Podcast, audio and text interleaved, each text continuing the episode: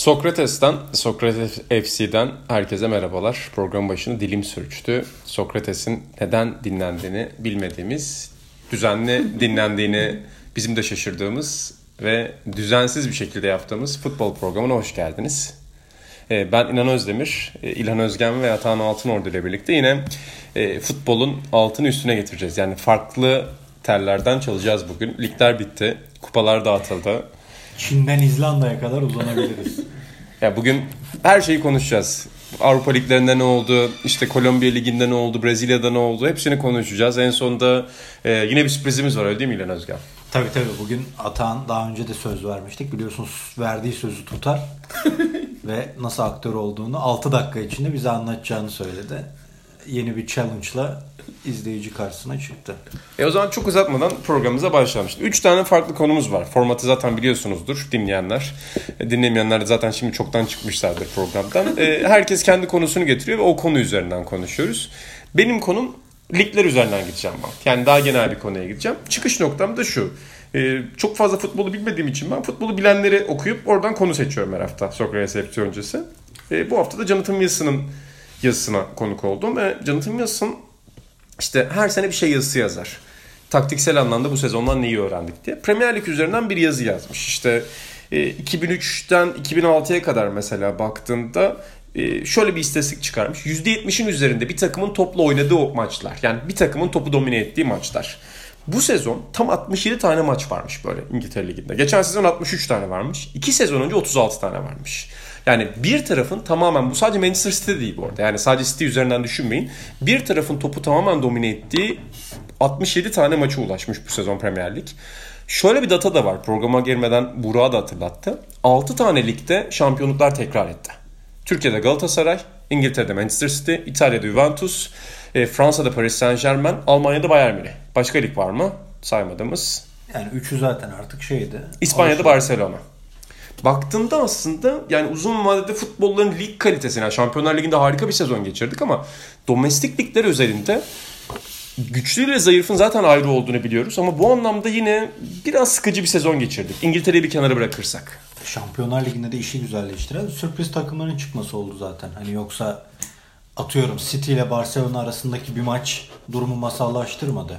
Ya da Juventus'ta Bayern arasındaki eşleşmenin bir anı akıllarda kalmadı.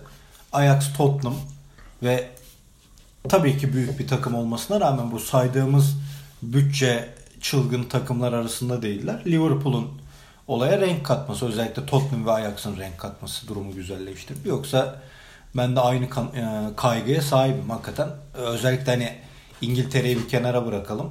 Hadi Türkiye'yi de biraz bir kenara bırakalım. Ama Almanya, Fransa, İtalya, yarı yarıya İspanya'da durum yıllardır aynı.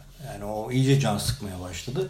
İngiltere'nin hani insanların gözünde o rekabetçi görünmesinin sebeplerinden biri aslında işte araya City'yi koyabilmeleri. Leicester'ın şeyi çok fark yaratıyor. Sanırım son 10 yılda 4 farklı şampiyon var. Birçok ligde zaten 3 şampiyon falan var. Ama oradaki o 4 Leicester olayın heyecanını biraz daha arttırıyor ve takımların işte son 2 yılda güçlenmesi bunun dışında doğru hakikaten. Ve yani buradan şey çıkarımı yapmış ki o da doğru. Yani şimdi 2024 civarında bu Süper Lig konuşuluyor ya Avrupa. İşte bu aslında futbolun çok ciddi tehdidi anlamına geliyor. Yani muhtemelen pazarlama anlamında o günlerde öveceğimiz ve zevk alacağımız bir şey olacak. Yani belki biz alamayabiliriz. Türk takımlarının hiçbir şekilde yer alamayacağı bir organizasyon gibi görünüyor şu an baktığımızda. Yani mantıklı baktığında zaten hani Türk futbolunun uzun vadede orada temsili hakikaten tartışma konusu ama diğer liglere eksene de baktığında yani mesela İngiltere Ligi kendini korur. İngiltere Ligi'nden eminiz. Hani İngiltere Ligi bir şekilde pazarlama anlamında ayakta kalır. Ama işte Almanya gibi çok güçlü, çok sağlıklı bir lig bile şu anda izleyici yani bu sezon biraz Borussia Dortmund bir şey vaat etti ama bir şey vaat etmiyor aslında baktığında. Türkiye Ligi işte Fransa Ligi, İspanya Ligi buralarda sürekli şampiyonların tekrar etmesi. Türkiye Ligi'nde çok topa dominasyon yok belki öyle futbol yok ama işte İngiltere Ligi gibi örneklerde topa çok fazla dominasyon kurulması hakikaten uzun vadede güçlü ve zayıf arasındaki dengenin bu kadar dağılması futbol adına kötü bir haber. Yani işte Liverpool bile şampiyon olamıyor. Yani böyle bir değil mi? Akıl almaz bir şey. Ya o zaten çok büyük bir istisna. Ya hayır yani Aynen. bu bile bu istisna bile kupayla taçlanmıyor diye söyledim yani ekstra bir şey. Yine işte İngiltere'ye geliyoruz orada. Mesela yani Fransa'da, İtalya'da öyle bir şey de diyemiyorsun. Yani şu bile o kupayı alamadı diyeceğim performans da yok. O- Oralar hakikaten fena durumda. Ve işte mesela FA Cup finali oldu ya Watford'la Manchester City arasında. Ha şey deniyor. Başka bir futbol oynanıyor iki kulüp arasında. Hani bu futbolun güzelliği, futbolun şeyi, şusu bu şu, busu değil. Yani sanki başka seviyenin oyuncuları gibi artık. Tabii şey Bu oyuncu ya, grupları. e, yani bir iki istisna haricinde, bir iki istisna maç haricinde mesela hani bir takım çok hani oyunu domine eder. e, yani hücum futbol oynar ama karşısında bir takım savunmayı iyi yaparak, iyi kapanarak, iyi alan daraltarak şey yapmaya çalışır. Yani yapar veya e, ayak uydurur başka bir şekilde. City onu da açtı. Çözülüyor artık. Yani Liverpool da bu sezon mesela bazen öyle futbol oynadı. Onlar da çözdüler rakipleri artık. E, İtalya'da Liverpool yine çok zorlanarak çözdü kaç kere. 80'den sonra atarak yani şeyle bu artık biraz inançla motivasyonla da açıklayabileceğimiz bir yeri var. City'nin bilgisayar oyunu gibi. Hani Tabii. easy modda açmışsın gibi. Saçmalık. Diğer taraftan Juventus üzerinden hep konuşuyoruz mesela. Orada da çok büyük bir tek düzelik var. Yani Juventus maçını bu sezon izlediğinde şeyi görüyorsun. Bu maç nerede çözülecek? Bir yerde çözülüyor. Ve Zevk de almıyorsun. bir ondan. futbol hani inanılmaz bir futbol varyasyonu da görmüyorsun yani. O zaten büyük utanç bence. Hani burada öyle bir şey görüyorsun ama en azından futbol bir sistem bir şey görüyorsun. Hani Juventus'ta bahsedilen sistemin de çürük bir sistem oldu ortaya çıktı. O neticede yollar ayrıldı zaten. Yani ligin futbola benzeyen, futbol oynamaya çalışan iki takım var. Atalanta ile Napoli. Napoli galiba 15 puan geriden geliyor ki o da son zamanlarda kapandı.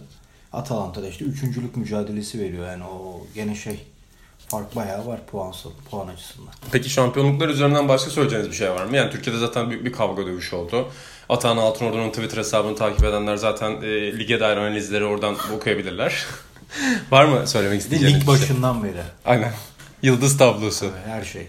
Ya o ayrı bir şey. O Galatasaray üzerinden yapıyorum da. Türkiye'de ne, ne söylesen suçlu olursun. Bir şey söyle yani kendim için söylemiyorum. İşte o en Türk futboluyla ilgilenmeyen Onur Erdem'in bile linç yiyebildiği bir lig. Şey de öyle yani Türk ya taraftarın içinde olduğu hiçbir şey hakkında yorum yapmamak mı lazım işte her şey öyle. Final Four bas, basketbolda bir Euroleague Final Four'da bile millet birbirine giriyor işte saçma sapan bir şey. Aynen zor bir hafta sonuydu. Hakikaten zor bir hafta sonuydu. Ben bir şampiyonlukla ilgili bir şey söylemek istiyorum. Ben Bayern Münih nasıl şampiyon oldu anlamadım. Yani kötüydü, şöyleydi, böyleydi, Kovac berbat yönetti derken geçen hafta Bundesliga'da çok takip etmediğim için şampiyonluk kutlarken gördüm. Edemiyor Çok zaten. O ben şey zaten biliyorsun hep söylerim yani ben Bundesliga, Premier Lig, Serie A, Fransa hepsini aynı şeyde takip ediyorum diyen helal olsun. Ya da hadi oradan kibarca demek lazım. Hakikaten ama şaşırdım ben şeye.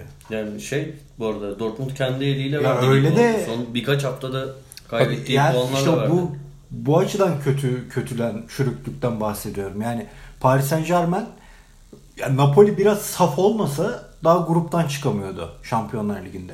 Juventus berbat bir futbol oynadı kupanın başından sonuna kadar. Ligde de Şampiyonlar Ligi'nde de.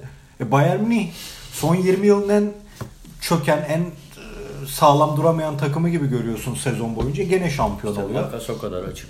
Ya işte ne, ne bilmiyorum ama yani şimdi kadro olarak City'yi falan bir yere koyuyorsun. Paris Saint Germain'i de koyuyorsun Fransa'da. Ama Juventus'un öyle bir kadrosu da yok yani ortada. Ya tamam Ronaldo var da e, geri kalanı o kadar fark yaratacak adamlar değil. Değil mi? Yani? Değil abi orta sahası falan hiç değil yani. Tamam, E, Bekleri o kadar değil. Stoperleri artık yaşlanmış.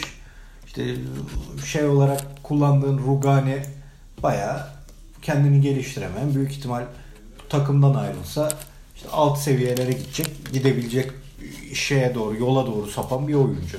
Hani Chiellini, m, Bonucci tamam var da ya onlar da artık eski formunda değil. Kalecin Şezni yani yıllarca istikrarsızlıkla Şey için yani İtalya gibi bir ülkenin en önemli takımının kalesinin kale, kalesinde Şezli'nin olması hakikaten garip bence. Yeni. İtalyan olarak Perini seçiyorsun. O da şimdi Roma istiyor diyorlar. Olmadı filan. Yani hiçbir transfer hamlesi de tutmadı Ronaldo dışında ki Ronaldo da hani öyle 30 gol 40 gol atıp gol kralı da olmadı. yani ön taraf tamamen her an her şeyi yapabilecek oyunculardan kurulu. Onun Diğer taraf-. Diğer tarafta bu Bayern Münih muhabbetini Fatih Demirel ile yapmıştık hatırlıyorsanız buraya konuk olduğunda. Yani şey demişti hani bu sene de artık Bayern. Münih şampiyon olursa bu Bundesliga için hakikaten felaket senaryosu. Yani bu sene de yenemezlerse bir daha yenemezler. Öyle diyor da biz konuşuyoruz göbek atıyor. Hiç öyle ayak yapmasın yani. 200'lük mi var diyorsun orada? Felaket. O zaman diğer konumuza geçelim. Geçelim hangisine İzlanda? Ligi, Çin Ligi onları e, başka bir programda değerlendiririz. Çünkü yani aramızda bazı arkadaşlarımız var. Uruguay Ligi, Arjantin Ligi sezon boyunca onları yazan. Arjan- bahsettiği topçu da Avrupa Evet. transferini yaptı. 7 milyon euroya burada size övdüğüm eee, de- yani 7 milyon euroya övdüğüm değil. Size övdüğüm defensive stoperi Lisandro Martinez. Eee, aradan geçen zamanda önce Nereye? Ajax'a. Ay tebrikler. Yine burada iki, iki defa falan konuştuğumuz eee Ajax'a transfer oldu. Peki var mı transferde bir payın? Hayır yok zaten sen Ajax geçen- camiasından isimleri de konuşuyorsun. önümüzdeki Sokrates sayısında bunlar var. Eee, oraya geçmeden tabii ki şey arada Şeydir, aradan Atan'ın telefonunu kurcalarsa mesela Reisiger öyle isimler görürsün yani. Neskens, Neskens. Rijkaard, Ruud Krol. Yani Ajax tarihinde... Smart var Smart o manyak. Hans Müller var Ajax dışında. Ya mesela Johan Cruyff'un telefonunda bunlar yoktur. Tabii. Ölmeden önce rahmetlinin. Yani Ruud Krol'ü falan muhtemelen soruyordur birilerine. Atağında var. Atan'da var. Yani. Neyse ben, Ben en list- çok Smart'ı beğenirim ama yani Smart çok yakın olduğu bir oyuncudur Atan. Çocukluktan beri çok Aynen. iyi geçiniriz. Abi. Hadi senin konun. Önce şu cümlemi bitireyim. Şimdi Hadi yayıncılıkta hızlı şöyle konuş. bir şey vardır Yanancım. Ee, nasıl ki e, böyle ekranda bir silah çıkarsa patlamak zorunda. Yayıncılıkta da bir konudan bahsedersen onu bir noktalamak zorundasın. Bir sorular cevaplanmalı burada. O yüzden Lisandro Martinez'in Ajax transferiyle ilgili şunu söylemeliyim. Önce senin o müstesi soruna cevap vereyim. Tabii ki benimle ilgisi yok. Hani muhteşem bir sezon geçiren bir takımın çok önemli bir parçası. Aradan geçen zamanda Arjantin milli takımıyla da ilk mesaisini yaptı.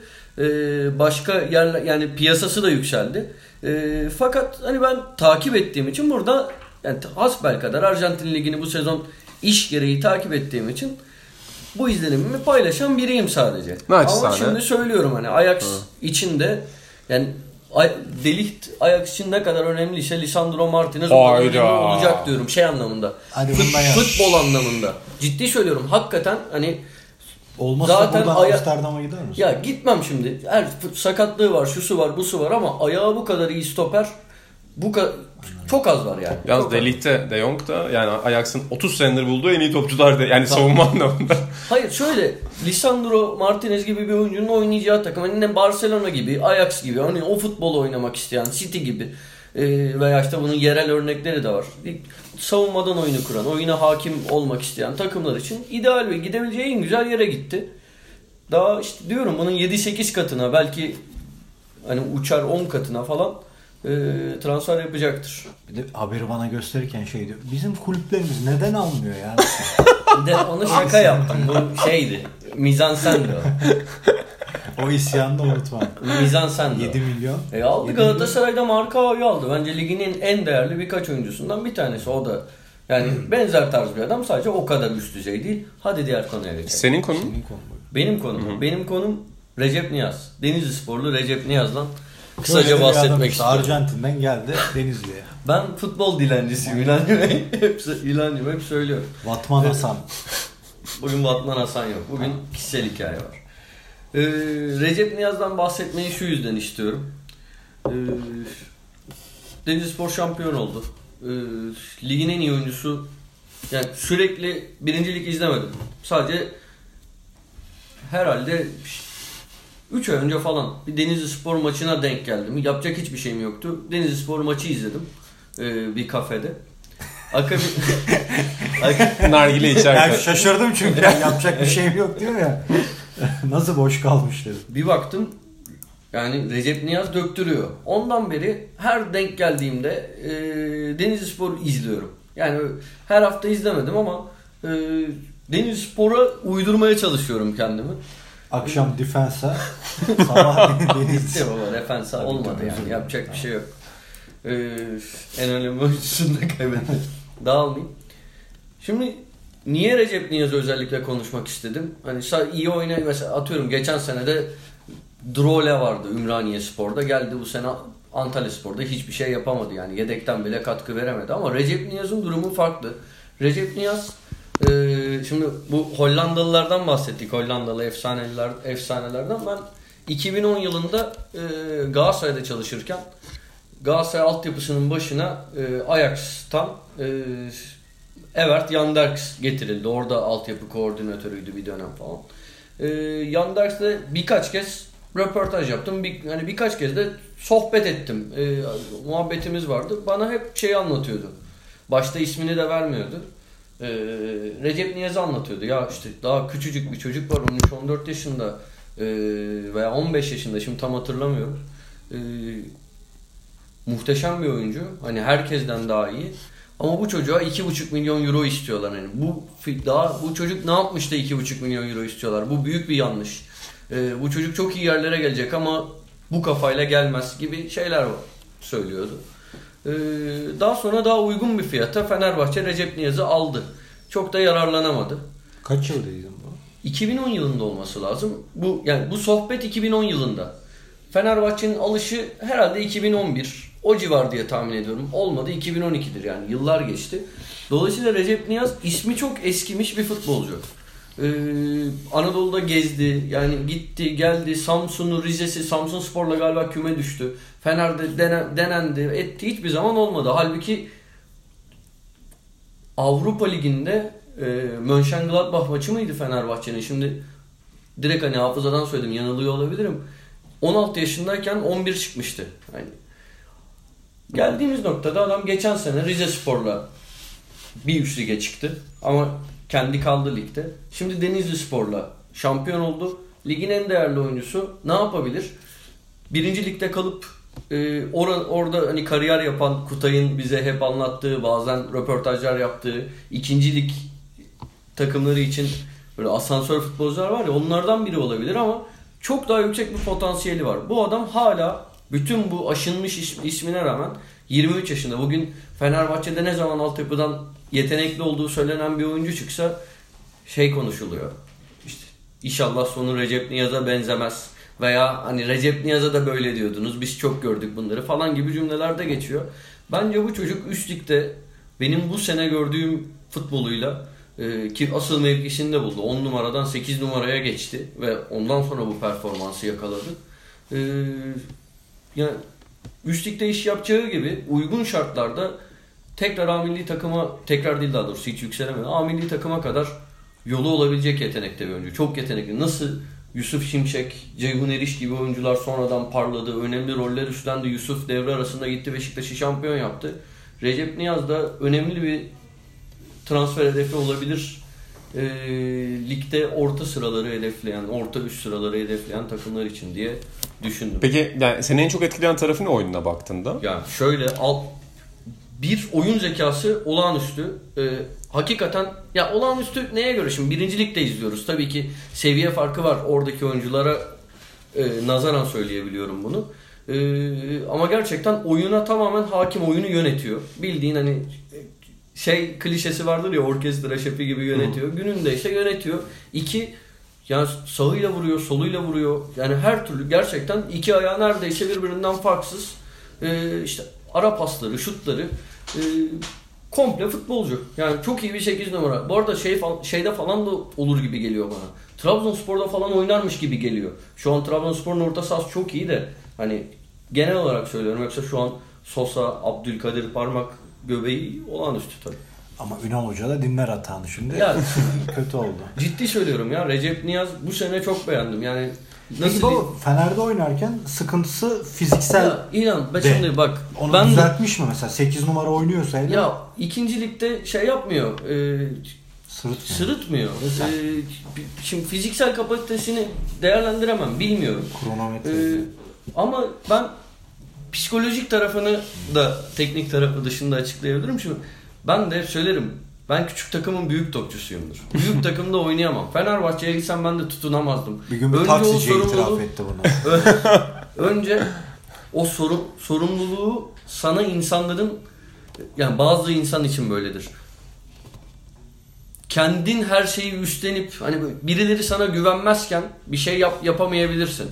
Ama bir yerde kendini kanıtladıktan sonra, ipler sana teslim edildikten, insanlar sana güvendikten sonra e, kendi tahmin ettiklerinden de fazlasını yapabilirsin. Bence Recep Niyaz e, mutlaka kendi hataları da olmuştur. Ama erken yaşta Fenerbahçe'ye gelip çok böyle göz önün, e, gözlerin üzerinde olduğu sürede bir özgüven problemi yaşadı. Bunu birçok oyuncu yaşadı. Mesela atıyorum Fenerbahçe'ye Olcan Adın da çok büyük bir yıldız adayı olarak gelmişti.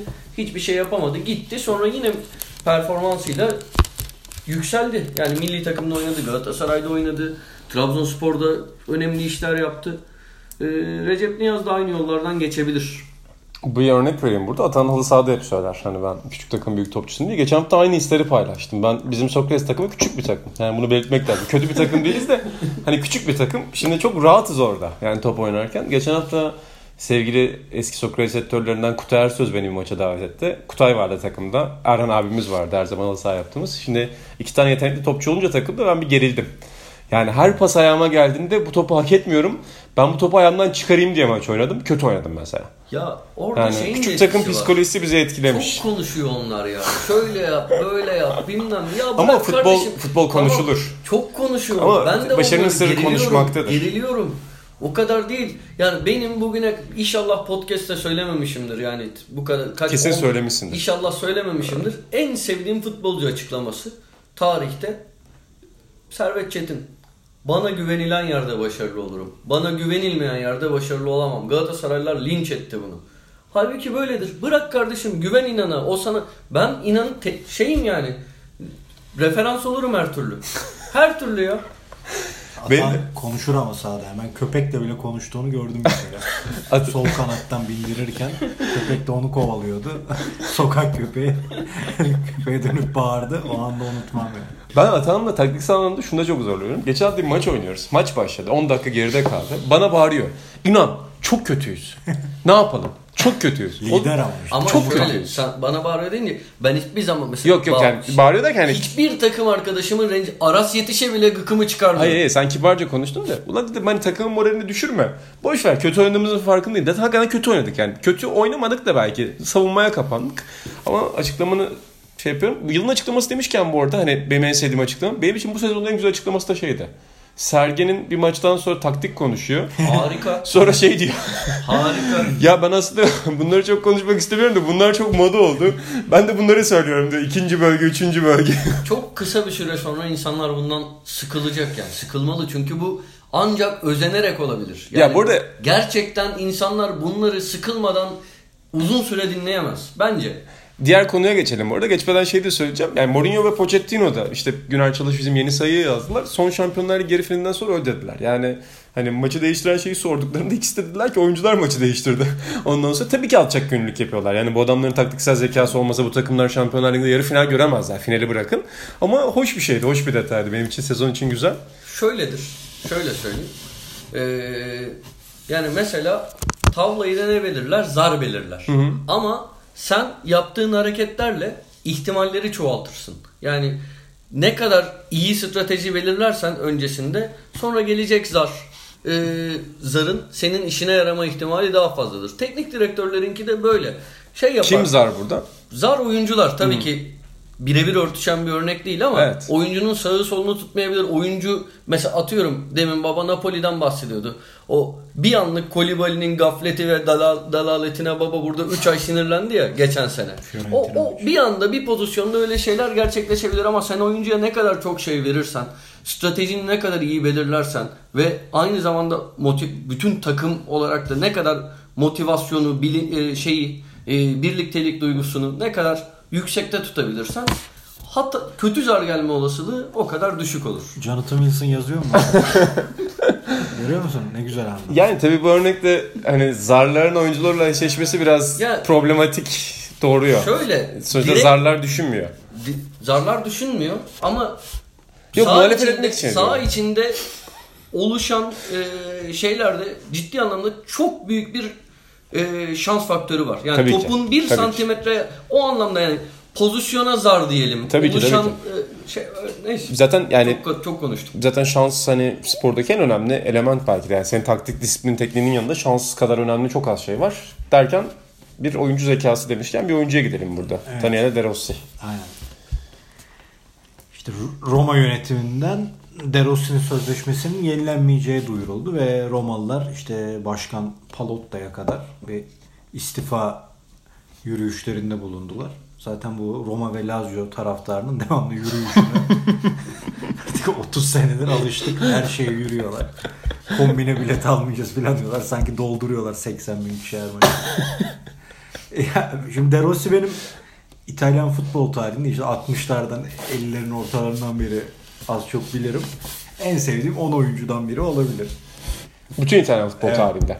Hakikaten ve istikrarına baktığımızda da işte daha 20'li yaşların çok başındayken 2006'daki takımın önemli oyuncularından biriydi. Sonra bütün turnuvalarda İtalya'ya katkılar verdi. Kilit oyuncu oldu. O defansa yaslanan ön, ön orta saha en arkadaki orta saha elemanı olarak hatta dönem dönem libero bile oynadı. Çok katkı verdiğini düşünüyorum. Çok beğendiğim bir oyuncudur. Hatta hep söylerim yani Roma'dan çıksa İngiltere'ye falan gitseydi çok daha fazla böyle seveni edeni olurdu diye.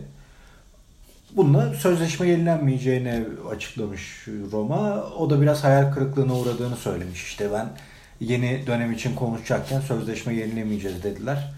İşte Roma'dan ayrılıyorum diye bir açıklama yaptı.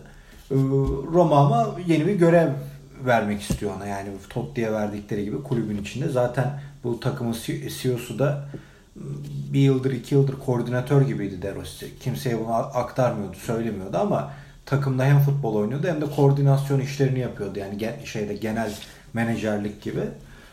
Onun için bu yeni görevinde başarılı olacağını düşünüyorum falan demiş. Öyle bir görev biçmiş. Başka bir kulübe gitmeyi düşünmedi değil mi? İşte şu anda öyle bir şey de var. Boca Juniors'a ilgili bir şeyler konuşuluyor. Onun Boca Juniors hastalığı vardır. Niyeyse böyle o İtalyan oyuncularda var mesela şeyde de.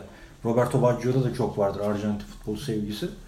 Ee, Öyle bir mevzu var. Yani benim burada yani taraftar kafasıyla baktığımda tamam hakikaten bayrak adam bence Totti'den de daha büyük bir katkı vermiştir Roma'ya. İtalyan futboluna özellikle.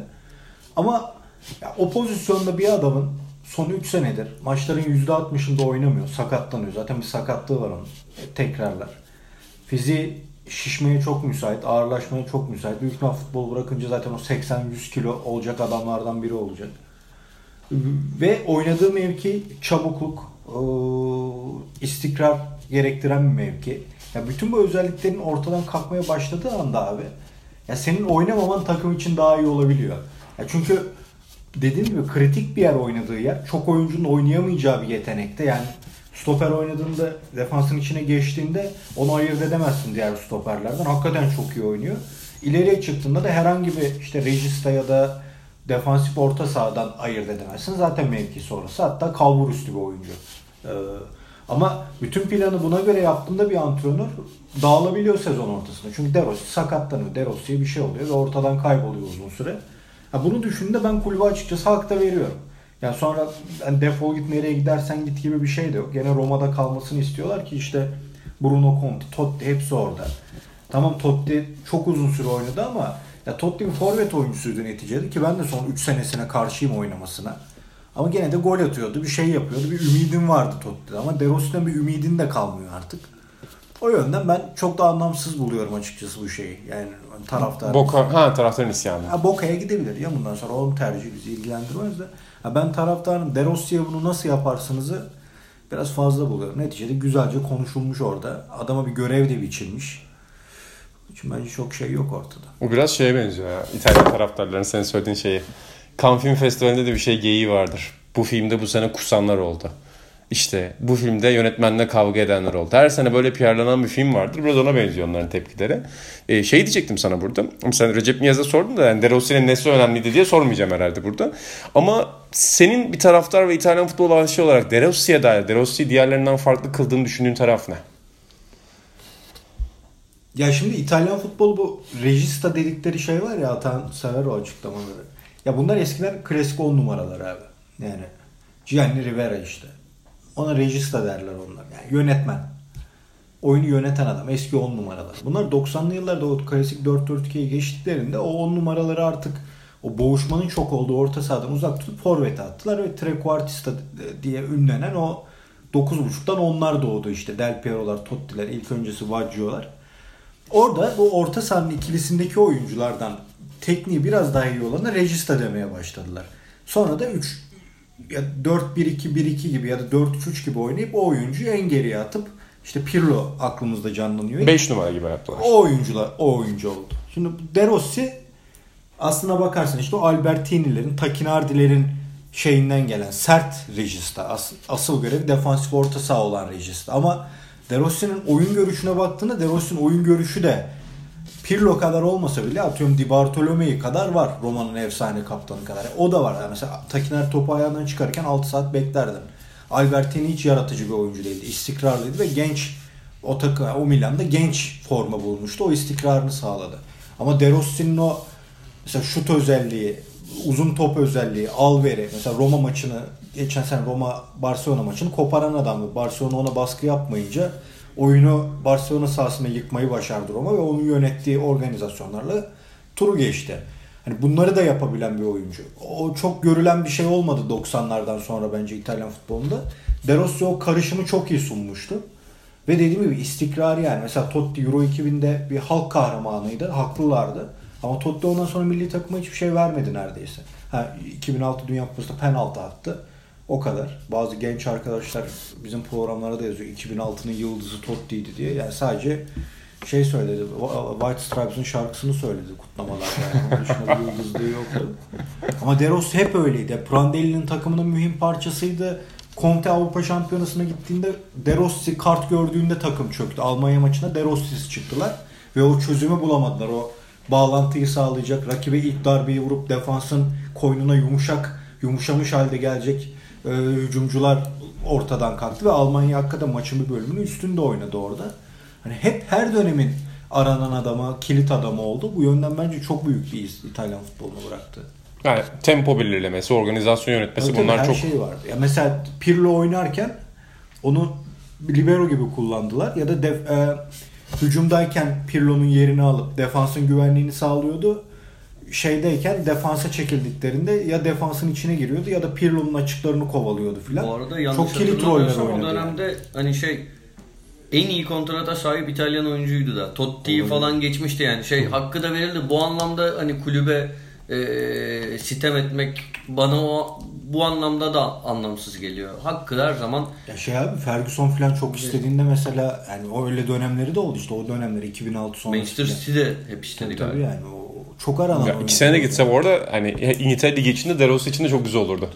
Ama tabii yani Roma'da da Ama sen fakir, aidiyet nedir bilmezsin. fakir bir kariyeri olmadı. Bu çocuk daha 15 yaşındayken kaptan Fucuro diyorlardı. Yani İtalyanca'da geleceğin kaptanı. Doğru mu baba? Sayılır bu. Sayılır. Sayılır. 15 yaşa attım da diyor, diyorlardı onu biliyorum yani. Şey söylediğinde çok önemli bu arada. Yani sonuçta Pirlo'nun da her zaman öyle bir toplayıcıya ihtiyacı oldu İtalyan futbolda değil mi yanında? Yani sonuçta savunma yapmaz da. Pozisyon Fena alırdı. değildi evet. Yani pozisyon değildi alırdı. Ama yani en azından o kavgalara girmezdi. Yani De Rossi öyle bir oyuncu. Yani dediğin gibi eskilerden işte Bertini, Benetti öyle oyuncuları vardır oralarda. O Mediano dedikleri. Onlar acayip yani Gattuso'dan da feci sertliği olan oyuncular. Bu hem Regista hem Mediano oynayabilen bir oyuncu. Yani çok az görülür bu tip adamlar. İkisini de iyi oynuyordu. Dediğim gibi yani Albertinler, Takinardiler topla De Rossi kadar iyi değildi bence. Ki dövüşte de o kadar iyi değillerdi. Yani o klasik İtalyan oyunculuğu da var. Modern İtalya futbolunun izlerini de taşıyor. Hakikaten özel oyuncu. Ya şey liberolu sistem kalmadı diyoruz hep. Ya 2012'de bir de libero oynadı o. İlk 3 maçı libero oynadı. Çok iyi oynadı. Ya işte mesela ben Ventura olayında da o kavga etmişti ya beni almayın falan. Ben orada da De Rossi'yi haksız bulmuştum. Yani sen jokersin. Seni orta sahaya alacaktı. Şut atabilen bir oyuncu yoktu. En iyi şut atan oyuncu Parolo'ydu o takımda. Sen önce işte defans çıkaracaksa orada orta sahayı kalabalıklaştıracaktın. Avantajı ele geçirdiğinde defans olarak da kullanılabilen bir oyuncusun. Yani her şeyi yapabilirsin. Ceza sahası koşusu mesela birçok İtalyan işte Tardelli tarzı oyuncular da onu ararlar. Marquisio'da ya da ceza sahası koşusu. E, gençliğinde onu da yapardı. Hakikaten çok özellikli oyuncuydu yani. Tek bir özellikte birçok oyuncu oldu milli takımda yer bulan e, uzun süre oynayan ama bunda birçok özellik vardı. Ki İyi hakikaten yani. yani. o pozisyonsuz oynama ya da farklı pozisyonlarda oynama herhalde bir süper yıldızın orta sahada en önemli şey Ve hasreti yani. şeyi de söylerler. Sanırım bizim röportajda Cengiz de söyledi mi hatırlamıyorum onu ama ya romanın esas saha içi kaptanın Nepo olduğunu söylerler. Evet. Yani taktik diziliş, oyun içindeki dağılış, oyun içindeki hamleler. Ya Totti'den çok De Rossi'nin soyunma odasında konuştuğu, maç içinde konuştuğu, hep onun yaptığı söylenir. Ya bu açıdan da çok önemli bir şey. Ya zaten ben mesela Totti hiçbir zaman kenarda antrenörlük yapacağını düşünmüyorum. Yönetici kalacaktır o kalırsa. Ama De Rossi Ama için Rossi söylüyorlar. olabilir. Bu arada bu kadar Totti demişken şey videosunu gördün mü o yeni video mu? Salon futbolu oynuyor. Ya yeni aynen takılıyor. Çok komik bir video ya. Tabii tabii. Yani hakikaten Atan sen gördün mü onu? Gördüm harika. Ya o hayatta sahip olmak isteyeceğim bir video var mı deseler ya birkaç video daha var burada isim vermeyeceğim ama Totti'nin salon futbolu videosu Tabii. yani içinde bulunmak isteyeceğim en önemli video. Katılıyorum çok güzel. Çok, güzel. çok- yani çocuklarıma bırakırdım o videoyu. Yani Ya, top- ş- şeyi de gösteriyor. Tabii daha iyi videoları da var Totti'nin yani. Hani salon futboluna da ihtiyacı yok. Yani şey olmasa o baştaki o çalım hareketi olmasa herhangi bir video. O sayede muhteşem bir video. Ya topu ayağına bıraktın mı zaten normal hakikaten yapacak. Yetenekli bir çocuk değil mi? Kesinlikle bir oyuncu. Ya baba dediğin gibi o son 3-4 senesindeki Lazio maçlarında olay çıkarıp gündeme gelme ya da Lazio'ya gol atıp şov yapma şeyleri olmasa hakikaten gene yani o 2000'lerin başı 90'ların sonu oralarda çok umut vaat eden oyuncuydu. Yani daha da büyük yerlere gelebilirdi. O zaman mahallenin afacanları. Evet. E, her hafta biliyorsunuz Sokrates FC'de bakalım. 36 dakika oldu. E, ideal süremizdeyiz şu anda. Her hafta biliyorsunuz futbol konuşuyoruz ya da konuşmuyoruz. Sonra da programın sonunda Atan bize bir hikaye anlatıyor. Vatman Hasan anlatmıştı. E, Quagliarella'yı anlatmıştı. Quagliarella'nın şu an hatırlayamadığı o şantaj, polisiye, seks her şeyin olduğu o hikaye. Şimdi de e, kendi kariyerinden, kendi hayatından bir hikaye. Küçük bir kesit. Bir süreye bakayım da İlhan'a 36. 6 dakikada anlat. 36 42'de biz gireceğiz araya. Tamam. Ee, yetiştirmeye çalışacağım. Dün Ahmet Hakan'ın programında gördüm. Hani bir anda süre dolunca sonra sıkıntı olabiliyor. Şimdi şöyle. ee, ben Yeni Ufuklar diye bir okulda okudum. Bu okulumuzun kurucusu da Kolej. ya kolej Anladım. ama yani bak gerçekten hani ben o okulun en fakir çocuğu bendim. Ciddi söylüyorum. Hakikaten öyle yani. Tamam fakir büyümedim de o okulun en fakir çocuğu benim bana evini sattı yani. Biz kirada oturduk. 5-6 sene öncesine kadar evini sat, evimizi sattı yani. Beni gönderdi. Bak bu müdahalelerle süre uzuyor. Ee, okulun bir diğer şey böyle bir şeye bugün hani inanmadığım için söylüyorum hikayede yeri var diye. Ee, üstün zekalılar okuluydu. Böyle IQ testiyle falan alıyorlardı. Bilmem ne. Yani Testi bizim hatırlıyor musun baba? hatırlıyorum. Ben ne soruyorlar? ya baba şekiller, mekiller, dalga, dümen öyle boş boş şeyler ama Mantık sınavları gibi Evet. herhalde LGS, ÖSS. Evet yani bizim sınıfta mesela şey yoktu. Birincisi ben hiç öyle Ali Atabak falan görmedim. Okuma yazma bilmeyen yoktu öyle başladık. Ee, bir yandan inşaat başladı bu arada eğer inşallah ses gitmiyordur yayına çok fazla. Yaklaştır mikrofonu. Ee, hemen. Okulda bir birinci sınıfın e, son günü bir ne denir? Organizasyon.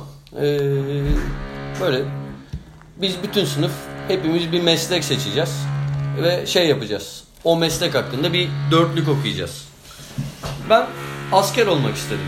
Çünkü ben çocukken yani şimdikiyle çok ilgisi yok bunun ama çocukken askerlere ve polislere hayrandım.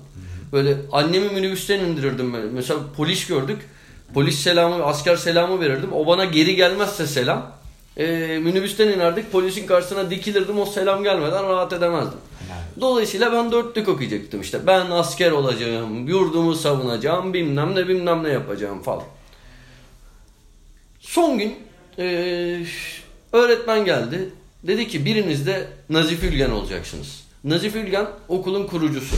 Bu üstün zekalı detayını bundan verdim. Şöyle bir dörtlük okuyacağız. İşte en son çıkacak Nazif Ülgen. Ben de Nazif Ülgen olacağım. Okullar açacağım. Üstün zekalı çocuklara bilmem bir yuva kuracağım falan böyle bir şey. Öğretmen dedi ki biriniz mesleğinizden feragat edin. Nazif Ülgen şeye bak bu arada ne kadar utanmaz bir adammış. Nazif Ülgen hakkında bir detay daha vereyim. Her CHP kongresinde genel başkan adayı olur. aday adayı. Sonra adaylık kriterlerini karşılamadığı için adaylıktan men edilirdi. Neyse bu adam sağ olsun okul güzeldi yani çok e, güzel günlerimiz geçti de kimse bu adam olmak istemedi. Sonra öğretmen dedi ki ya çocuklar biri olacak. Hani şey mi yapayım? Ee, kura mı çekeyim? O an ben şunu düşündüm. Böyle bir bunun bir şov fırsatı olabileceğinin farkına vardım. Hep söylersen. En son çıkacak. bütün alkışı bu alacak. Bir de diğerlerinden farkı bunun ekmeği bunun ekmeği var dedim. Dedim ki ben ya şu an Google'da Nazif Ülgen'e bakıyorum. Dedi- e, dedim ki ben Nazif Ülgen olayım. Tamam. Hemen böyle asker olmak isteyenler sevindi falan filan. Ben Nazif Ülgen oldum. Çıktım işte. E, söyledim o dörtlüyü. Elimi uzattım böyle. Fotoğrafları var hala. Ben de Nazif Ülgen olacağım bilmem ne. Ee, sonra şeye girdik. 15 tatile girdik. Bu işte herhalde ilk dönemin son günüydü yanlış hatırlamıyorsam. 15 tatile girdik. Dönüşünde okula gittik. Beni müdürün odasına çağırdılar. Allah Allah dedim ne oldu hani bir şey mi yaptım falan filan. Ee, bir adam vardı. Dedi ki işte ben yapımcıyım.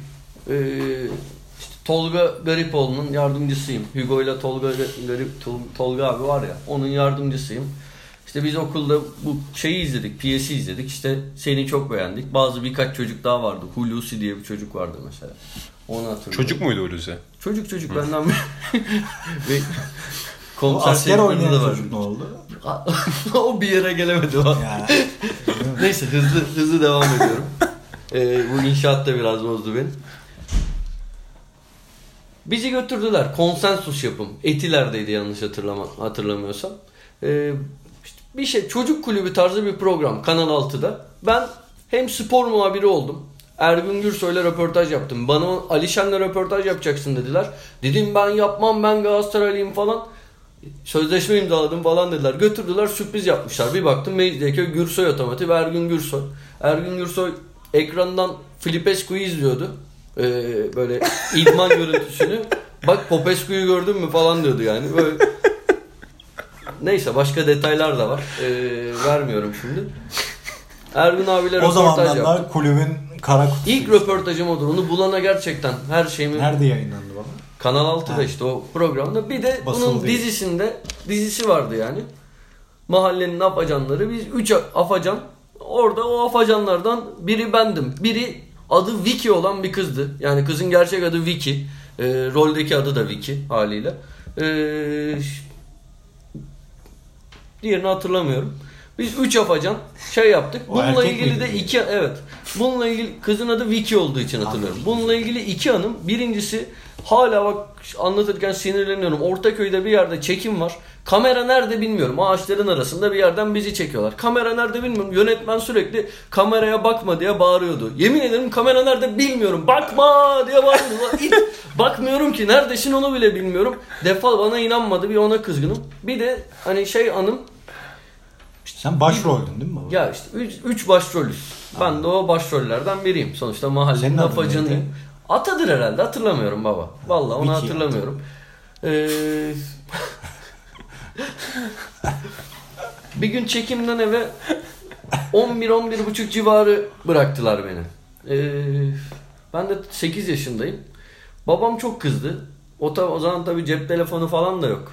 Ee, haber alamamış. Dış sahne falan Beni mı aldılar acaba? şeyden. Al, aldılar. Çekim niye uzun sürdü? O yönetmen bana kameraya bakmadı. O mu? Bilmiyorum. Ha. O gün ama yani ne olduğunu, neden olduğunu bilmiyorum. Babam aldı beni. Adamlar dedi ki yani sonuçta bir de para da kazanmamız lazım bu işten. Sözleşmeye aykırı davrandığımız için paralarımızı da alamadık. Bayağı da para alacaktım. Ciddi söylüyorum yani. Ciddi bir paraydı. Hiç para almadı. Ee, alamadım. Sonra sonraki bölümde beni öldürdüler. Vallahi çocuk izledim hastaneye ziyaretime geliyorlar. Soygun oluyor böyle su tabancaları var çocukların ellerinde hastanede bir şey oluyor. Gittim beni öldürdüler. Öldüm, öldüm baba ben. 8 yaşında öldüm Türk televizyonlarına Peki veda hastane sahnesinde sen yoksun. Yokum. Yönetmen nasıl Onlar gösterse? beni ziyarete geliyor. Hastanede soygun moygun bir şey oluyor. Saçma sapan bir şeyler. Çıkan çatışmada mı ölüyorum? Ne oluyor? Öldüm. Öldüm yani öldürdüler. Ya bir şey söyleyeceğim. Yani, Mahallenin Afacanları da komedi dizisi olarak başlayıp drama dönmüş ya. ya işin içine atan olunca. Orson Welles filmi gibi yalnız ha. Anında şeye dönmüşler. Acıklı yani Türk televi yani Türk sineması ve dizi sinema ve dizi sektöründe acıklı sahneler. Bir canım kardeşim de kahraman onun ölümü. İki Atanın ölümü mahallenin afacanlarında. Bu hata yani Unutulmaz bu, bu hikayeyi ne zaman dinlesem o kadar etkileniyorum yani ve daha, 16-17 oldu herhalde dinleyişimiz. Daha önce- her yeni gelen anlatılıyor çünkü. daha önce de söylemiştir ama yani ne olur şunun kasetini bir bulun. Şu mahallenin Evet. afacanlarının birinci bölümü bizi dinleyen varsa kimdeyse bakın ben para da öneriyorum. Ben de veririm. Ben de vereceğim. Ben de 100, 100 lira da ben koyuyorum. Aynen. Şu mahallenin afacanları birinci bölümünü ve ikinci bölümünü Atağan'a veda ettiğimiz bölümü. Özellikle şu şey kameraya bakma. Kim bilir nereye bakıyor da adam bilir. Hani ne olur bu iki bölümü bize bir buldurun efendim.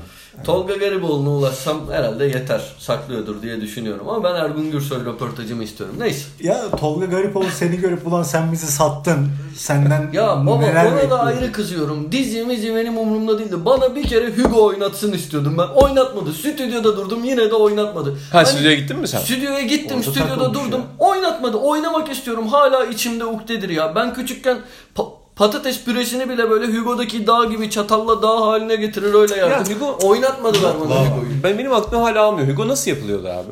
Eve senin ş- oyuncak falan mı yolladılar? Hayır telefonla. Telefon. Hatta şey çevirmeli telefonla oynayan falan. Ben var. ona hala aklım ermiyor. Küçükken de ermezdi. Yani mantık? Babacım, ben yanlış biliyorumdur büyük ihtimal de.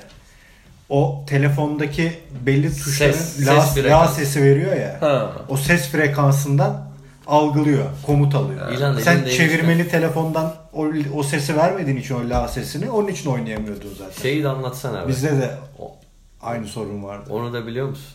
Ördek vurmalı Atari oyunu vardı ya. Onu bilmiyorum baba. O nasıl oluyor Onu ya? bilmiyorum. Valla bir gün internette onu açıklayan bir şey gördüm okudum yine anlamadım. Ben plaklara nasıl ses kaydı yapılıyor onu hala bilmiyorum mesela. Uçaklar da uçuyor. Onu söyledim. Vap- Uçakların vallahi. uçması da acayip bir şey. Ama Neyse bu bir- uçaklar bir gün Amerika'ya buradan bir saat olacak hep söylüyorum. Bana Belgrad'da yeni Belgrad denen bölgede bu açıklamayı yaptı. Yani ne zaman dedim bir gün dedim. Biz insan hayat yani hayatımız boyunca şunu göreceğiz. Buradan Amerika'ya bir saatte gidilecek. İmkanı iki, yok. iki fiziksel e, engel bence kalmayacak. Tamam Tıptaki bunları, bunları tartışalım. Bunları tartışalım. Ama güzel bir anıydı bize. Çok teşekkür ediyorum. Diğer şeylerini, diğer e, tuhaf şeyleri de dinleriz ilerleyen bölümlerde. E, buradan Yeni Ufuklar Koleji'ndeki öğrencilere selam yolluyoruz. de Daha şey, sonra çocuğu neydi adı? e, Nazif Ülgen Üçüncü sınıftayken Amerikan Koleji oldu. Amerikalılar satın Onu aldı. söyleyecektim. New Horizons College oldu. yani bazı buradaki dinleyen arkadaşlarımız diyecekler ki ben New Horizon'dan mezun oldum. O da oldu. Siz de Yeni Ufuklar Koleji mezunusunuz. Siz de Yeni Ufuklar Koleji'nin bir neferisiniz. Onu söyleyeyim efendim. Hepinize çok teşekkürler. Ben İnan Özdemir, Atahan Altınordu ve İlan Özgen'le yine dolu dolu futbol konuştuk. En azından Daniele De Rossi ve e, Recep Niyaz konuştuk. Oralar bizi şey yaptı. Çok teşekkür ederim efendim. Ve gelecek programlarda e, görüşmek üzere diyelim. Hoşçakalın.